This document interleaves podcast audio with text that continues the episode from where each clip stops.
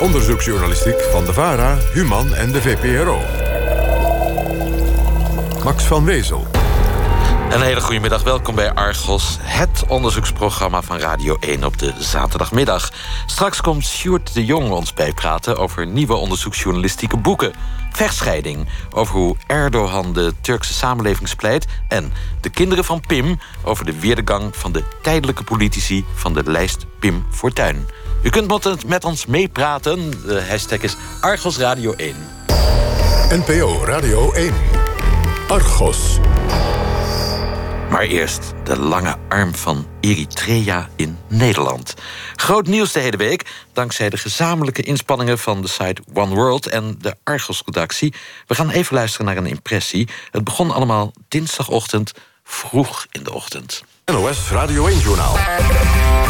Zes minuten over zeven is het. Eh, de rel met de Turkse ministers in Nederland is nog maar een paar weken geleden... en nu is er opnieuw ophef over de komst van buitenlandse functionarissen.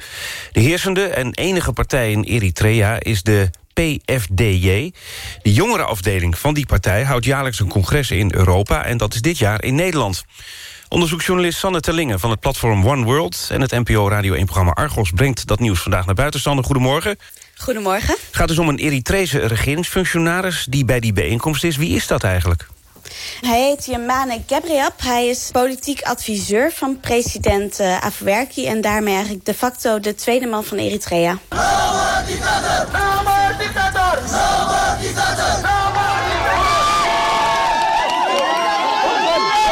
We vinden het uh, heel ongemakkelijk dat er een uh, vertegenwoordiger komt van een regime dat de mensenrechten schendt.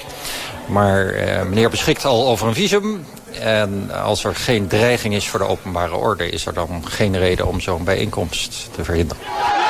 De komst van een blauwe auto van de Eritrese ambassade... zet de tot dan toe rustig verlopen betoging in lichterlaaien. Het is een clash tussen het regime en de naar Nederland gevluchte Eritreërs. Grote intimidatie tegen Eritreaanse vluchteling door Nederlandse overheid. Wat zou de Nederlandse regering moeten doen om dit soort inmenging uh, te voorkomen? Nou, er is al heel lang sprake van het willen bekijken van wat deze consulaten en ambassades in Europa doen. Is het nou echt zo dat al die geruchten over intimidatie en druk om te betalen, is dat nou allemaal waar of niet? Er is een heel veel kwestie geweest van, dat gaan we nog eens een keer goed uitzoeken. Maar ik weet niet wat nou daar de einduitkomst van is. Je moet daar flink aan gaan werken, denk ik. Ja, en dat uh, was het nieuws van dinsdag dus.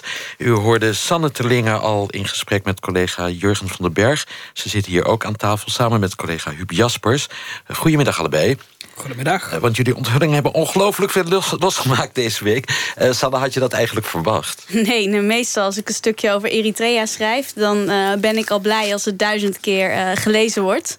En ja, komt er gewoon nog eens bij. Dat je moet deze... normaal altijd uitleggen waar Eritrea ligt. Ja, en, en, en dat daar ook Eritreërs in Nederland zijn... en wat er aan de hand is. En ja, dat moet je er allemaal bij vertellen.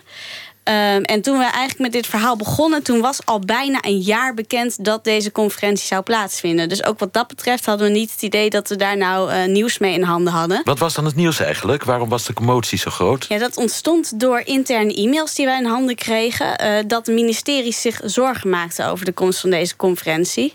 En dat had ook te maken met die tweede man uh, van Eritrea... die naar Nederland kwam. En dat de vlak adviseur. na die Turkije-rel... waarbij natuurlijk hè, ehm, ja, de minister van Turkije is tegengehouden. Waarom uh, vond die conferentie eigenlijk in Nederland plaats? Althans, wilde Eritrea dat die hier plaats zou vinden? Huub? Uh, een van de redenen is, nou, het is al een jaar geleden besloten... maar het afgelopen jaar uh, heeft het regime en de aanhangers van het regime... hebben in Nederland eigenlijk flink gezichtsverlies geleden. er zijn een aantal rechtszaken geweest die YPFDJ, de jonge organisatie van die politieke partij... aangespannen had uh, tegen de Volkskrant, tegen de IND... Um, die allemaal ze... zeiden, jullie zijn de lange arm van Nederland? Of... Exact, en zij zeiden, dat, dat mogen jullie niet zeggen. Maar jullie laten vast... tolken die lid zijn van die jongerenvereniging... asielzoekers uh, horen. Exact. Die tolken die zijn uiteindelijk, een aantal daarvan... zijn ook de laan uitgestuurd door de IND. En die rechtszaken hebben ze allemaal verloren. Daarnaast is het ook zo dat Nederland zich als enig land gekeerd heeft tegen ontwikkelingshulp aan Eritrea... nadat de Kamer daar heel erg op aangedrongen heeft. Um, dus het, uh, kennelijk had YPFDJ ook heel erg de behoefte te laten zien... ook in Nederland zijn wij live and kicking. Ja, vooral eigenlijk Sanne. niet eens aan de Nederlanders, maar eh, aan die Eritrese diaspora. Gewoon laten zien van hé, hey, eh, zo makkelijk eh, laten wij ons niet opzij eh, zetten.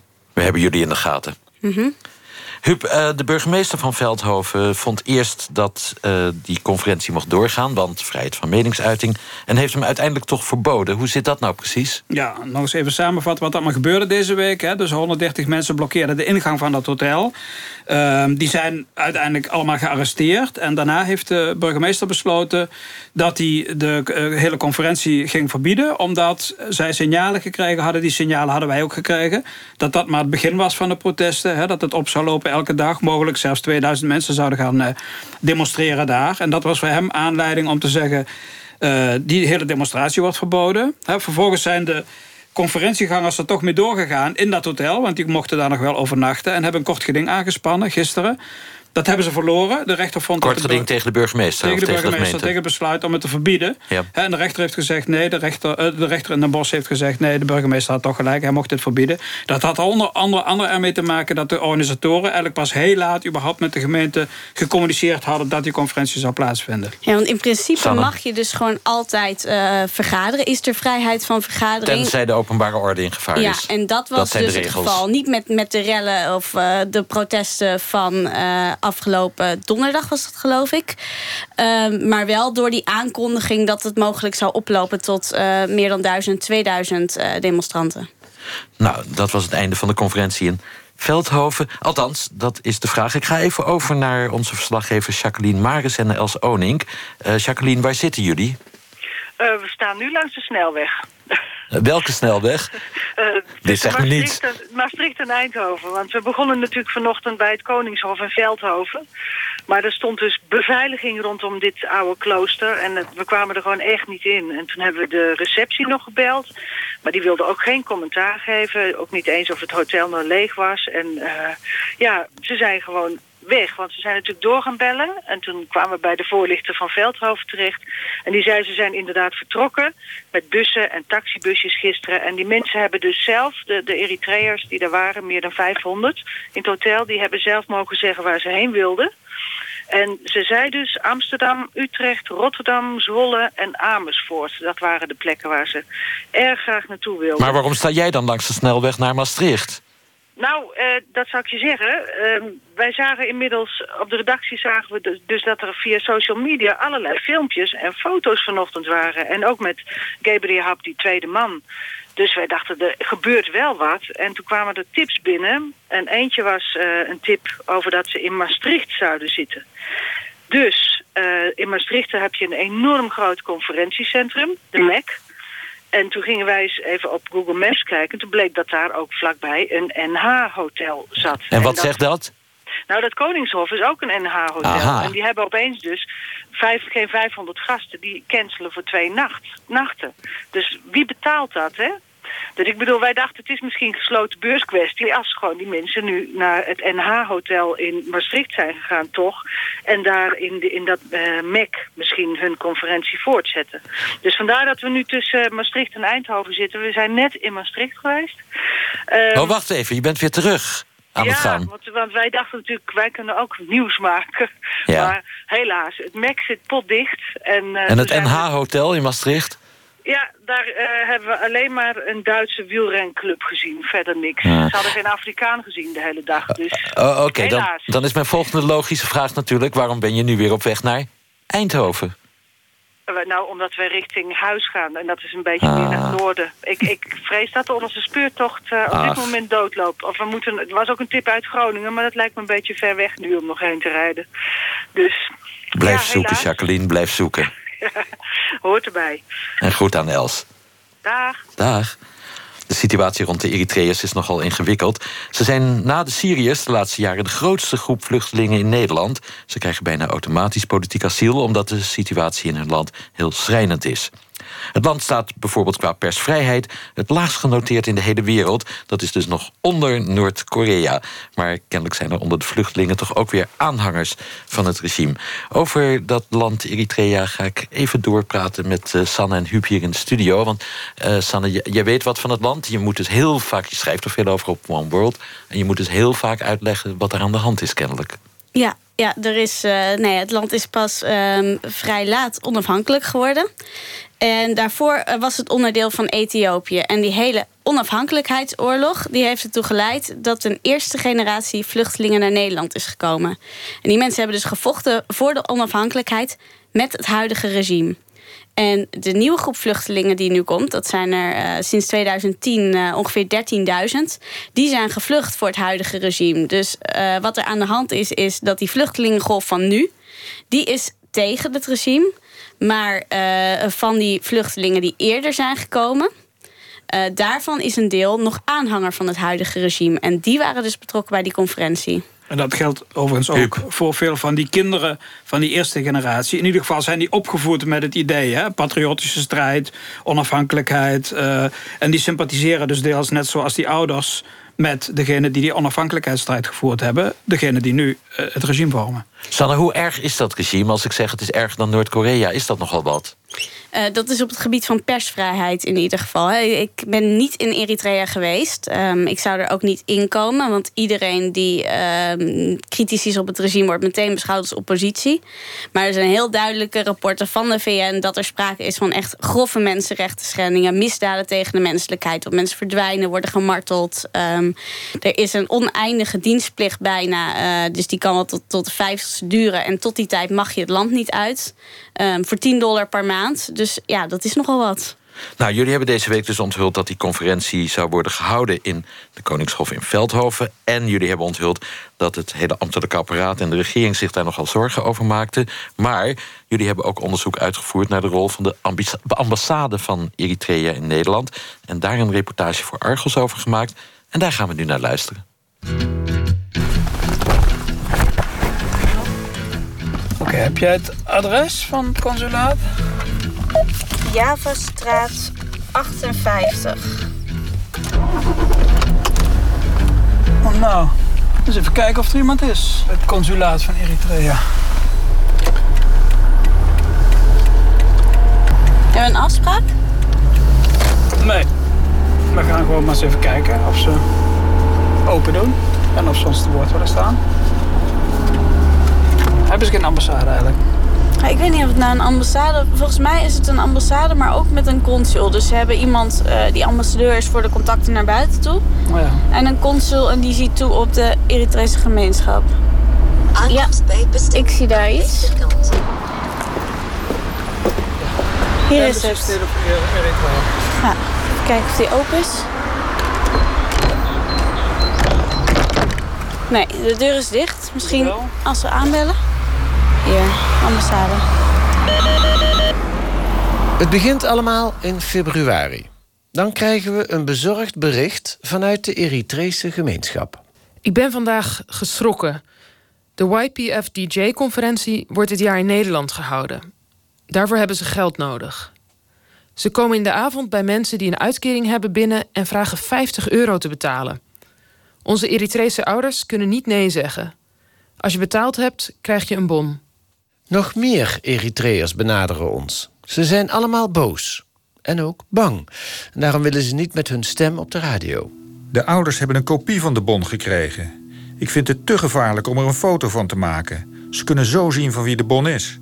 Er staat een nummer op, plaats, naam, datum. Mensen die weigeren om te betalen worden gezien als verraders. Mijn vriendin heeft geweigerd te betalen. Ze zeiden: Denk er goed over na. Ze hebben ook mij gevraagd. Ik heb gezegd: Ik ga niet betalen. Ze zeiden: Dan gaan we een kruis achter je naam zetten. Ik weet niet wat ze bedoelen, maar het voelt niet goed. Dat zijn methodes die we kennen van een dictatuur. Als je niet meedoet, dan kom je op een zwarte lijst te staan. En als je niet oppast, eh, beland je in de gevangenis. En het gaat hier over mensen in Nederland. Dus het is ook een Nederlandse aangelegenheid. Tweede Kamerlid Jasper van Dijk van de SP. De Kamer maakt zich al lang zorgen over inzamelingsacties binnen de Eritrese gemeenschap. Ze vraagt de regering om een onderzoek. Dat rapport verscheen in december vorig jaar. De afdrachten kunnen niet losgezien worden van de drukmiddelen die worden aangewend en de angst die hiervoor bestaat. De dreiging, mogelijke dreiging of angst maakt het heel moeilijk om een begrip als vrijwillig te gebruiken. Een deelnemer aan het onderzoek spreekt van 2% plus plus. 2% diaspora-belasting en daarnaast allerlei formele en informele inzamelingen. Allemaal ten gunste van het dictatoriale regime van Eritrea. Dit zijn praktijken die willen wij in Nederland niet. Bram van Ooyek van GroenLinks. Je bent natuurlijk ook niet voor niks uit zo'n land gevlucht. Hè? Je bent eigenlijk gevlucht voor die mensen die nu bij je aan de voordeur staan. Dus je komt naar Nederland, je zoekt hier bescherming, je krijgt die bescherming ook. Hè? Eritreërs krijgen in overgrote mate asiel in uh, Nederland. En vervolgens staat iemand van het regime, voor wie je gevlucht bent, staat bij je aan de voordeur en zegt: Ik wil graag even uh, innen, ik wil graag even incasseren. Die 2% diaspora-belasting moet worden betaald aan de Eritrese ambassade in Den Haag. Dat is onwenselijk, maar zolang er geen sprake is van dwang of intimidatie, kan Nederland daar niks tegen doen. Maar er zijn aanwijzingen dat er wel degelijk sprake is van intimidatie. Alleen de meeste Eritreërs durven geen aangifte te doen. Minister Koenders van Buitenlandse Zaken heeft zijn Eritrese ambtsgenoot hierover op het matje geroepen. En de Tweede Kamer nam een motie aan. Als die intimidatie nu niet stopt, dan moet de ambassade worden gesloten.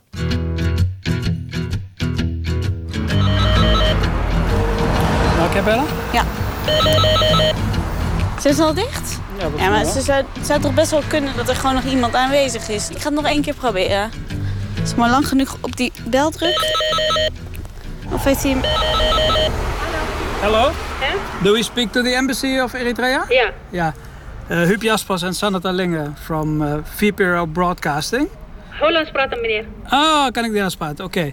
Uh, wij zouden graag een aantal vragen willen stellen aan iemand van de ambassade, als dat mag. Voor de VPRO Radio en voor One World. Radio. Voor de radio? Ja. Over, even mevrouw. Goedemiddag. Goedemiddag, Hallo. Nee, zonder Huub afspraak. Jaspers. Nee, we hebben geen afspraak, nee. Nee. Zouden we een afspraak mogen maken? Ja. Ja? We bellen morgen met Bas. Ja? Met de baas? Wie is de baas? Solomon Mahari, toch? Salom Maharia. Oké. Jij weet. Is die morgen bereikbaar? Vandaag niet. Nee, maar morgen Maar wel? afspraak, ja. Ja. Afspraak doen jullie? Ja, hoe laat is die bereikbaar? Na tien uur. Oké, bellen we. Ja. Eritreërs worden onder druk gezet om mee te betalen aan de YPFDJ-conferentie. Dat horen we keer op keer. Maar is de Eritrese ambassade in Den Haag daar ook bij betrokken? Of veroordelen ze het juist? We bellen de consul, Solomon Merhari. Hallo, spreek ik met meneer Mahari? Yes. Kan het in het Nederlands? Een beetje. Oké. Wat kan ik voor u betekenen? Wij wilden u wat vragen over de YPFDJ-conferentie die volgend weekend plaatsvindt. Wat wilt u weten dan?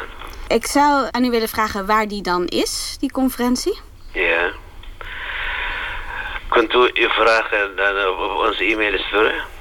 Ik zou ze het liefst eerst kort telefonisch Nee, vragen. nee, nee, en als dat ingewikkeld is, dan stuur ik ze per mail. nee, dat weet ik, maar het kan het zou kunnen, maar eh, graag alsjeblieft, stuur maar eh, op onze e-mailadres. U bent wel betrokken bij de organisatie van die conferentie. Ik, wil- ik, eh, graag alsjeblieft, stuur maar je vragen op onze e-mail. Maar, maar ben ik bij u aan het goede adres? Stuur maar alsjeblieft. Maar als u niet degene bent die ik moet hebben, moet ik dan wel naar u e-mailen? Ik zeg nog een keer, stuur maar je vragen op onze e-mailadres. Kunt u dan nog wel zeggen waar die conferentie plaatsvindt? Dat is ook een vraag, toch? Ja, dat is ook een vraag. Dat is een hele simpele vraag, toch? Nee, de- simpel of eh, niet simpel, dat is, dat is niet eh, mijn vraag. Mijn vraag is, alsjeblieft, stuur maar op onze e-mailadres. Belooft u dan dat we antwoord van u krijgen? Zeker. Oké, nou, dan wachten we de antwoorden af. Oké, dag. Dag.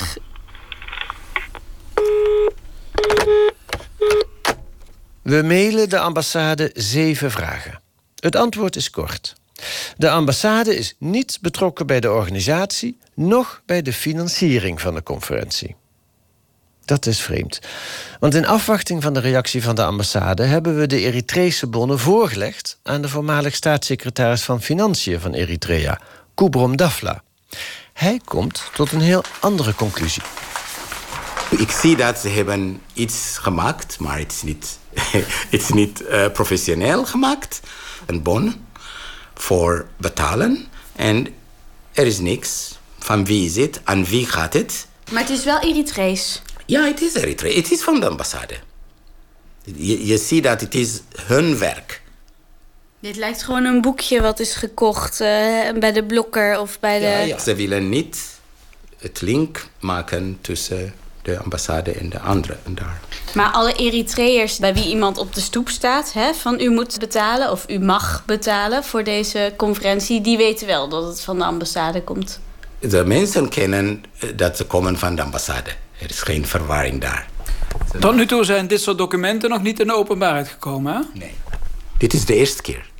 Maar nu probeert de ambassade eigenlijk een beetje de indruk te wekken... Hè, dat het geld wat voor de conferentie opgehaald is... niet door mensen van de ambassade opgehaald wordt. Maar kijkt u eens naar de handtekening. Isaac Menassi. Ja, Isaac Menassi. Ik heb gehoord, ja.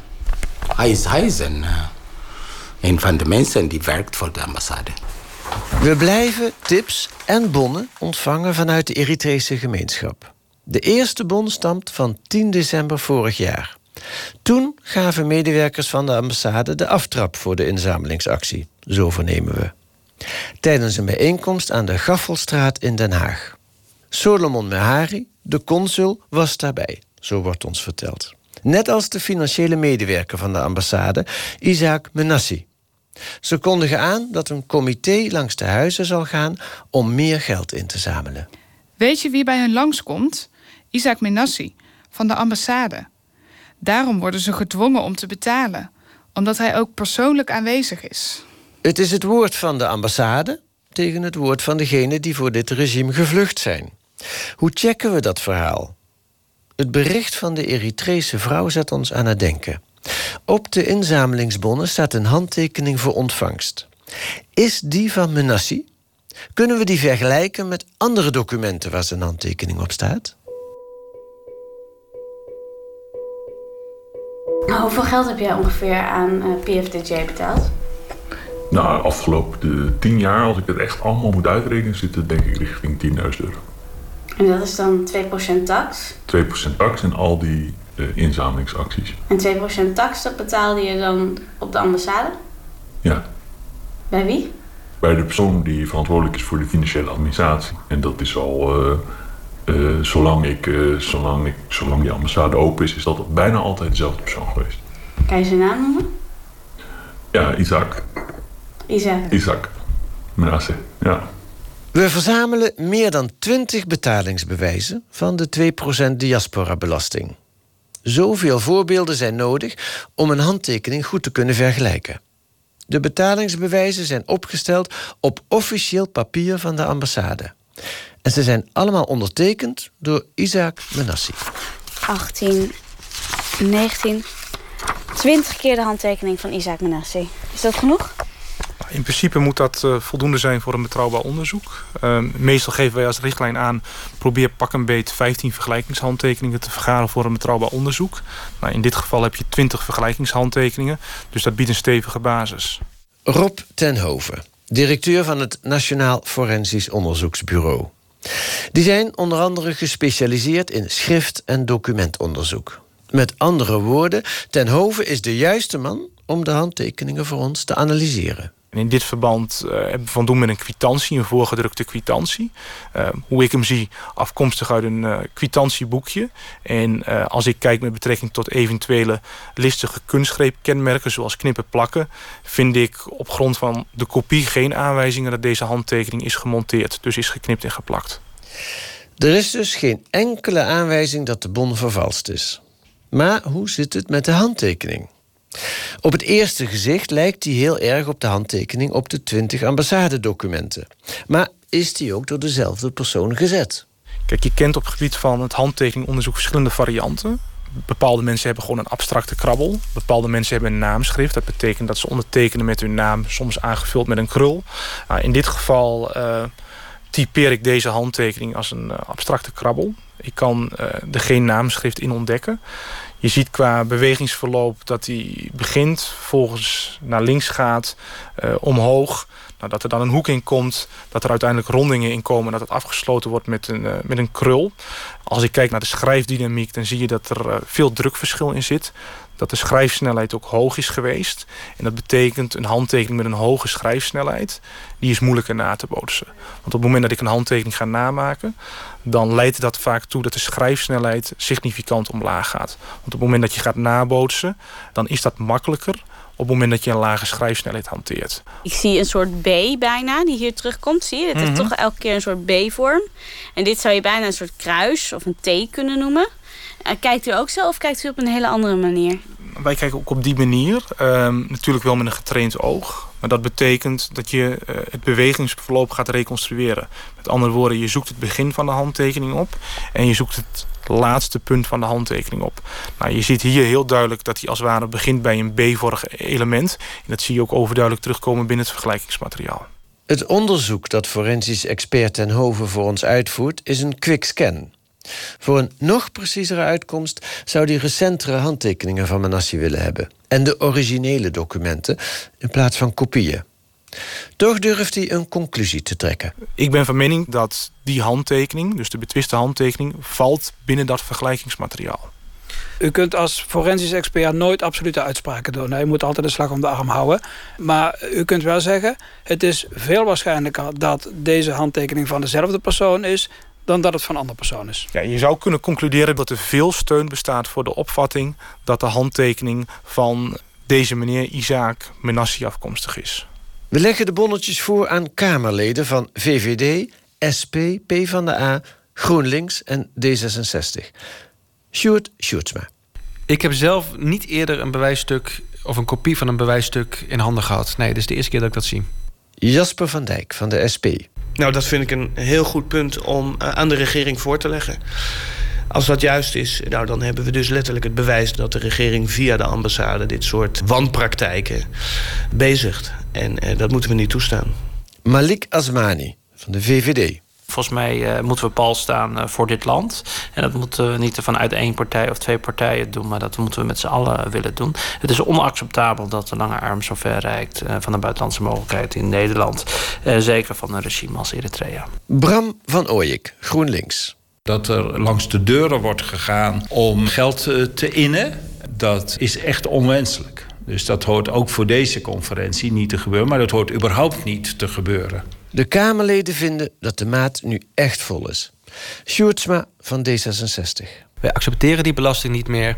Dat heeft de Tweede Kamer heel duidelijk gezegd op voorspraak van D66 en de VVD. En als Eritrea daar niet naar luistert, dan kan dat leiden tot sluiting van de ambassade. Atje Kuiken van de PvdA. Ik vind dat de ambassade aangepakt moet worden en dat de praktijken worden gestopt. Dus dat betekent dat we wederom weer, en dat zullen we unaniem doen, met alle Kamerleden het debat weer aangaan met het kabinet over hoe zij dit soort praktijken gaan stoppen.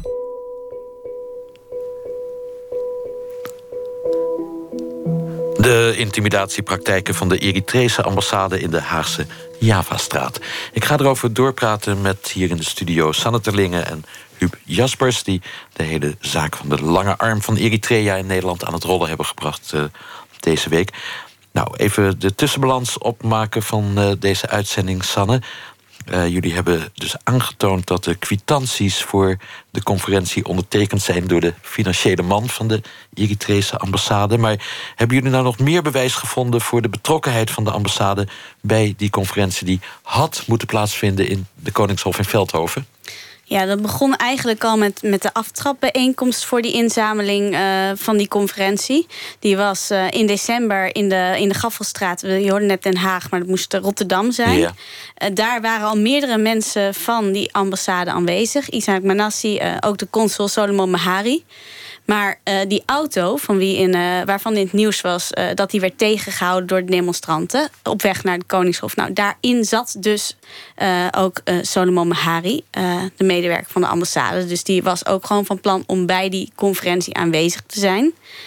En nou, hier voor me ligt ook nog een foto van de conferentie van vorig jaar. Die was in Italië. En op die conferentie werd aangekondigd dat de conferentie ehm, het aankomende jaar, dit jaar dus, in Nederland zou plaatsvinden. En dat werd eh groots op het podium aangekondigd. Er staan ook allemaal mensen met een Nederlandse vlag op het podium. En daarachter, eh, achter die vlag, eh, staat vrolijk mee te klappen. Wederom die consul Solomon Mahari. En dat is die man die alleen met je wou e-mailen. Ja, dat is die man die alleen maar met me wou e-mailen. Ja. Consel mee Harry. Wij Piet hebben Jaspers? uiteraard hè, ook nog nadat hij eh, ons eigenlijk niet de vragen beantwoord had, alleen maar gezegd dat wij zijn niet betrokken bij deze conferentie, hè, althans niet bij de organisatie en de financiering daarvan, hebben wij natuurlijk ook nog onze bevindingen hè, dat ze wel degelijk betrokken zijn aan hun voorgelegd, gevraagd om een reactie.